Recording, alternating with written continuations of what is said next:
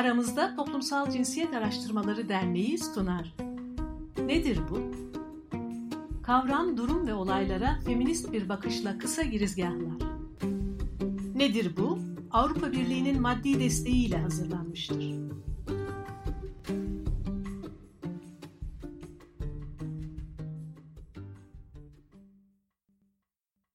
Merhabalar.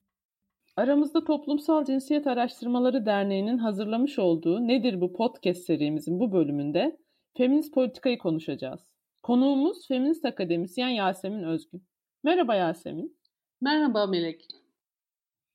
Yasemin, nedir bu feminist politika? E, feminist politika kadınların emeğine, bedenine, kimliğine, erkekler tarafından el konmasına dayalı ikincil ve dezavantajlı durumlarının ortadan kaldırılması için feminist ilke ve yöntemlerle yürütülen politik bir mücadele. Bu şekilde tanımlayabiliriz. E, feminist terimi 1880'lerde ilk olarak İngilizce'de kadınların erkeklerle eşit yasal ve siyasal haklara sahip olmaları gerektiğini işaret etmek için kullanılıyor. Ama feminizmin günlük hayatta karşılığını bulması 1960'lardan sonraya denk geliyor. E, feminizm kadınların özgül ve sistematik bir ezilmeye tabi tutulduklarının kabulüne, erkeklerle kadınlar arasındaki ilişkilerin doğadan kaynaklanmadığı iddiasına dayanıyor. Kadınların erkeklere göre dezavantajlı, eşitsiz ve ikincil bir konumda olduğu, ezildiği ve sömürüldüğünden hareket ediyor. E, feminizm aynı zamanda bu ikincil ve dezavantajlı konumun sabit ve değiştirilemez olmadığını, tam tersi değiştirilebilir bir şey olduğunu iddia ediyor ve bunu savunuyor. Böylelikle feminizm toplumda cinsiyetler arasında erkeğin üstün, kadının ikincil konumunun politik bir ilişki olduğundan hareketle politik bir mücadelenin feminist politikanın e, bu konumu değiştirebileceğini öne sürüyor. Burada cinsiyetçiliğin bütünsel ve sistematik niteliğiyle kadınların özgürleşmesi mücadele arasındaki bağlantıdan söz etmek gerekiyor.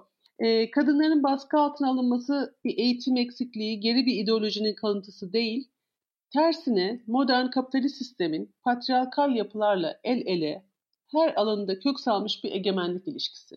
Bu yüzden de ancak kadınların her alanda erkek egemenliğine karşı verecekleri mücadeleyle ortadan kaldırılabilir. Kadınların özgürlük mücadelesi, devletin, hukukun, ailenin, ekonominin tüm bu kurumların dönüştüğü ve tek bir kadının bile emeğine, bedenine el konmadığı, tek bir kadının bile anneliğe, ev işlerine mahkum edilmediği, hiçbir kadının şiddete uğramadığı, hiçbir kadının cinsel tacize, tecavüze uğramadığı ve isteği dışında cinselliğe zorlanmadığı güne kadar sürecek olan uzun soluklu bir mücadele. E, feminist politikanın öznesi kim? Feminist politikanın öznesi kadınlar, e, ezilme ilişkisine maruz kalan kadınlar. Ancak kadınlar da kendi aralarında eşit değiller ve eşit ezilme biçimlerine maruz kalmıyorlar her zaman. E, ve bu da bize nasıl ortak bir mücadele yürüteceğiz sorusuyla geliyor. Elbette sınıf, etnisite, din, kimlik, statü, cinsel yönelim bütün bunlardan kaynaklanan farklılıklarımız var. Ee, çocuklu kadınlar, çocuksuz kadınlar, evli çocuklular, bekar çocuklular, lezbiyenler, trans kadınlar, Müslüman kadınlar, Kürt kadınlar, işçi kadınlar, işte lezbiyen işçi kadınlar, Kürt işçi kadınlar, kendi işinin sahibi kadınlar ve benzeri pek çok farklılıklarımız var. E, ve tüm bu farklılıklar kadınlık ortak paydasına rağmen farklı ezilme biçimlerine maruz kaldığımız anlamına da geliyor.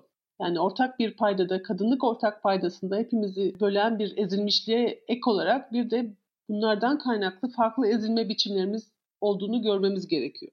Siyah feministler, lezbiyen feministler, sömürgeleştirilen ülkelerden feministler, e, feminizmin ortak kadınlık deneyiminden ve kadın dayanışmasından bahsederken sınıfa, ırka, cinsel yönelime dayalı tahakküm ilişkilerinin üzerine örttüğünü söylüyorlar ve kadınlık kategorisini sorguluyorlar.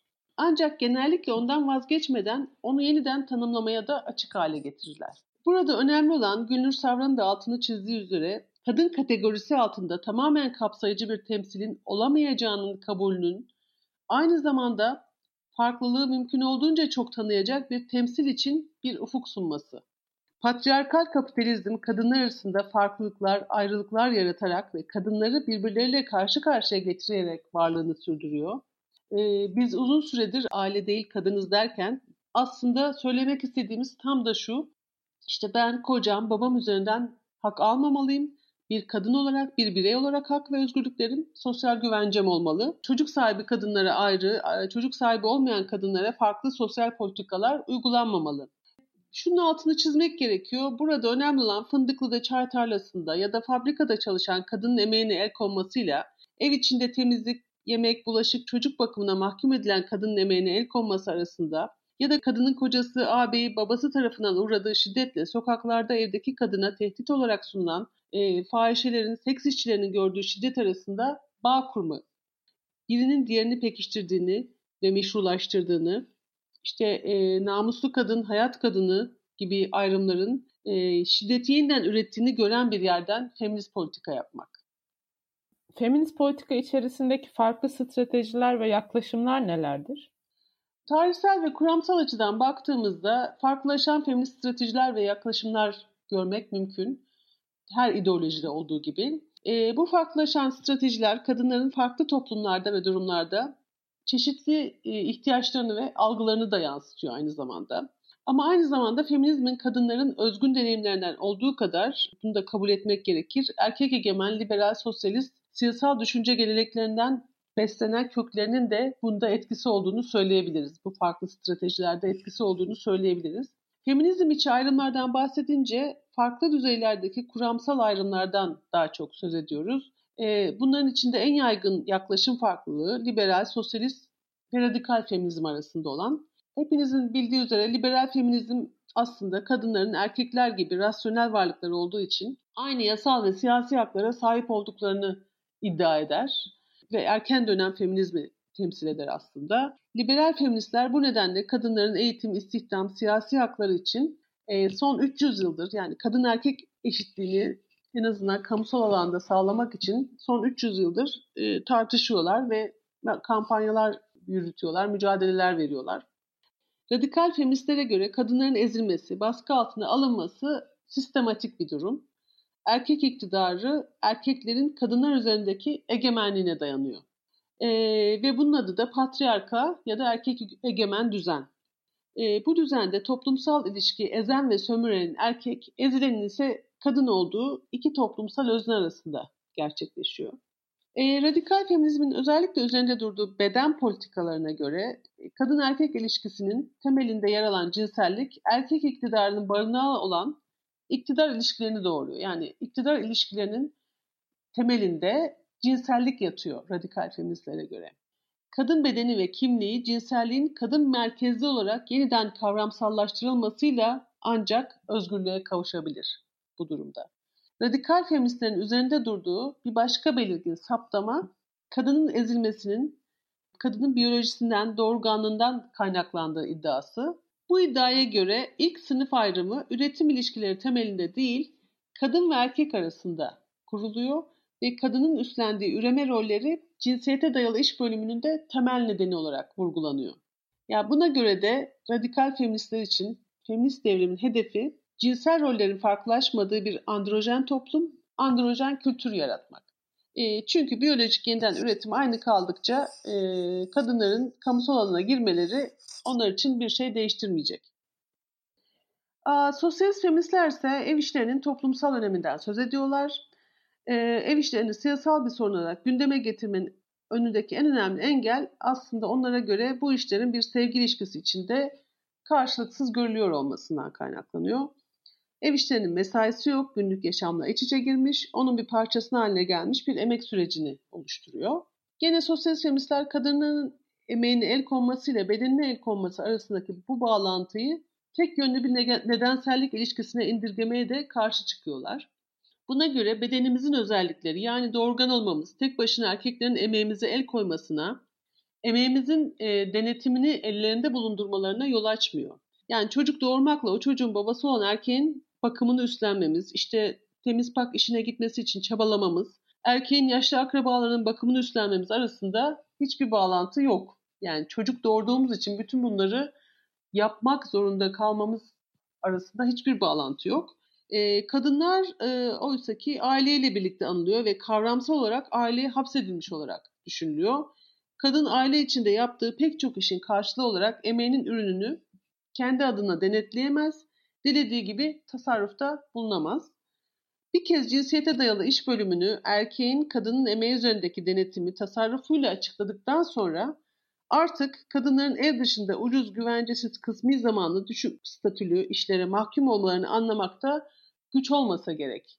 Yani kadınlar e, bedenleri, e, emekleri erkekler tarafından denetlendiği, onların tasarrufunda olduğu sürece dışarıda da ancak ucuz emek gücü, kısa zamanlı, düşük statülü işlerde çalışabiliyorlar.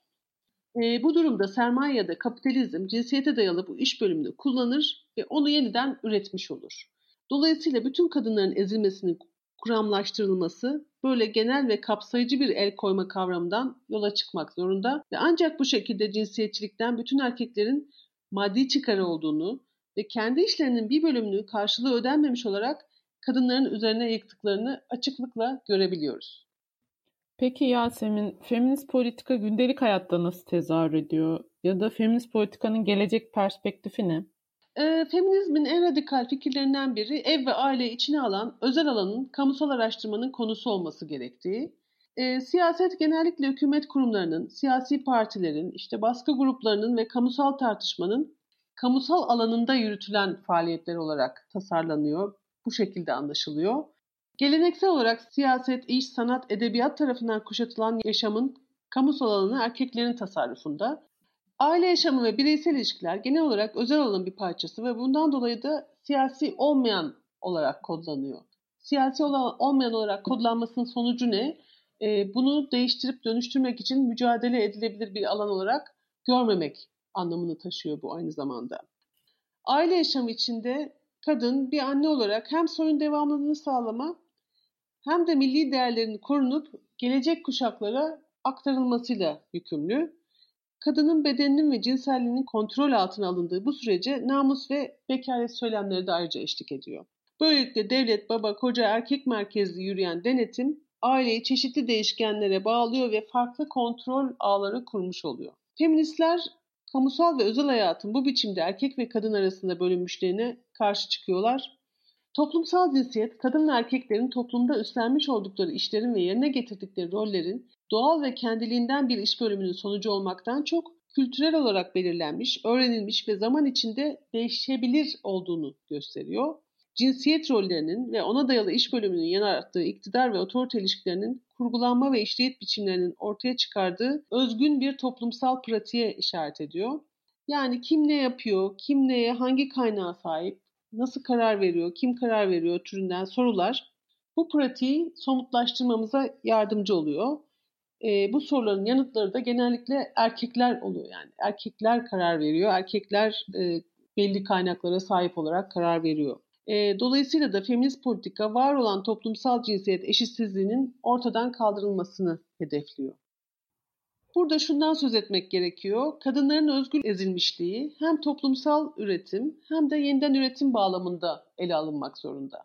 Yani bugün kadınlar toplumsal üretime katılsalar bile ev işlerini ve çocuk bakımını tek başlarına üstlendikleri sürece ezilmeye devam edecekler ve özgürleşmeleri mümkün olmayacak. Yani kadın erkek eşitliğini sağlayan birçok politika hayata geçse bile kadınlar ev içinde ev işi ve çocuk bakımından tek başına sorumlu oldukları sürece kadın özgürleşmesinden söz etmek mümkün olmayacak. Ee, yeniden üretimi üstlenmek kadınların toplumsal üretim içindeki konumlarını da aynı zamanda belirtiyor. Yeniden üretimin toplumsallaşmasının koşullarını yaratacak bir feminist politika perspektifine ihtiyacımız var tam da bu yüzden. Bunda ne demek istiyoruz? İşte evde yapılan işlerin cinsel kimliği ne olursa olsun toplumun tüm bireyleri tarafından eşit olarak üstlenilmesinin bu durumun hem çeşitli toplumsal kurumlar aracılığıyla hem de yasalarla mümkün kılınmasının, bunun yanında da en önemlisi alternatif birlikte yaşam biçimlerinin geliştirilmesinin mücadelesini yürütmek zorundayız. Aksi halde kamusal alana çıksa bile kadın, toplumsal üretime ailedeki işinin yanı sıra girdiğinden ücretli ücretsiz emek kıskacı dediğimiz o kıskacın içinde e, çifte yük altında ezilmesi kaçınılmaz olacaktır. Ayrıca kadınların ortak ezilmişliğinin kuramsal temellerinden söz etmek, kadınlar arasında bir çeşitlilik ve farklılık olduğunu kabul etmenin önüne geçmez. Feminizm ve örgütlenme biçimleri e, bu çelişki yani hem birlik hem çeşitlilik üzerinde yükseliyor. E, kadınların cinsiyetlerine bağlı kimlikleri, bu kimliği tamamlayan ırk, sınıf, din, yaş gibi öğelerle birlikte oluşuyor. Ayrı dinlerden, sınıflardan, kültürlerden olmamız her birimizin kendi kadınlık konumuna vereceği yanıtları da belirliyor. Yani bölünmüşlüğümüzü görmezden gelmek, genel olarak kadınlar arası bir özdeşliği varsaymak, dolayısıyla bağımsız kadın hareketini tek bir politik birlik içinde eritmek, e, bizi sektörlük, dışlayıcılık ya da eylemsizlik gibi kimi açmazlara götürebilir. Bağımsız kadın hareketini çok parçalı, çok sesli, türdeş olmayan kadınların oluşturacağı bir hareket olarak görmek ve farklı grupların uygulayacağı politikalar arasında farklılıklar olmasının kaçınılmaz olduğunu kabul etmek aynı zamanda feminist politikanın en önemli ön koşullarından biridir. Son olarak feminist politikayı bizim için bir cümle içinde kullanabilir misin? Feminist politika hem kişisel yaşam ve yakın ilişkiler alanının bir kamusal ve politik mücadele zemini olduğunu ortaya koyar hem de birer birey olarak bizlerin kişisel yaşamımızda aileler, toplumsal cinsiyet, bedenler, kimlikler ve cinselliklere dair giderek genişleyen bir seçimler yelpazesiyle karşı karşıya olduğumuzu vurgular. Yasemin bu ufuk açıcı sohbet için ve bize vakit ayırdığın için çok teşekkürler. Ben çok teşekkür ediyorum. Çok sevgiler, selamlar. Nedir bu? Avrupa Birliği'nin maddi desteğiyle hazırlanmıştır. İçerik tamamıyla Aramızda Toplumsal Cinsiyet Araştırmaları Derneği'nin sorumluluğu altındadır ve Avrupa Birliği'nin görüşlerini yansıtmak zorunda değildir.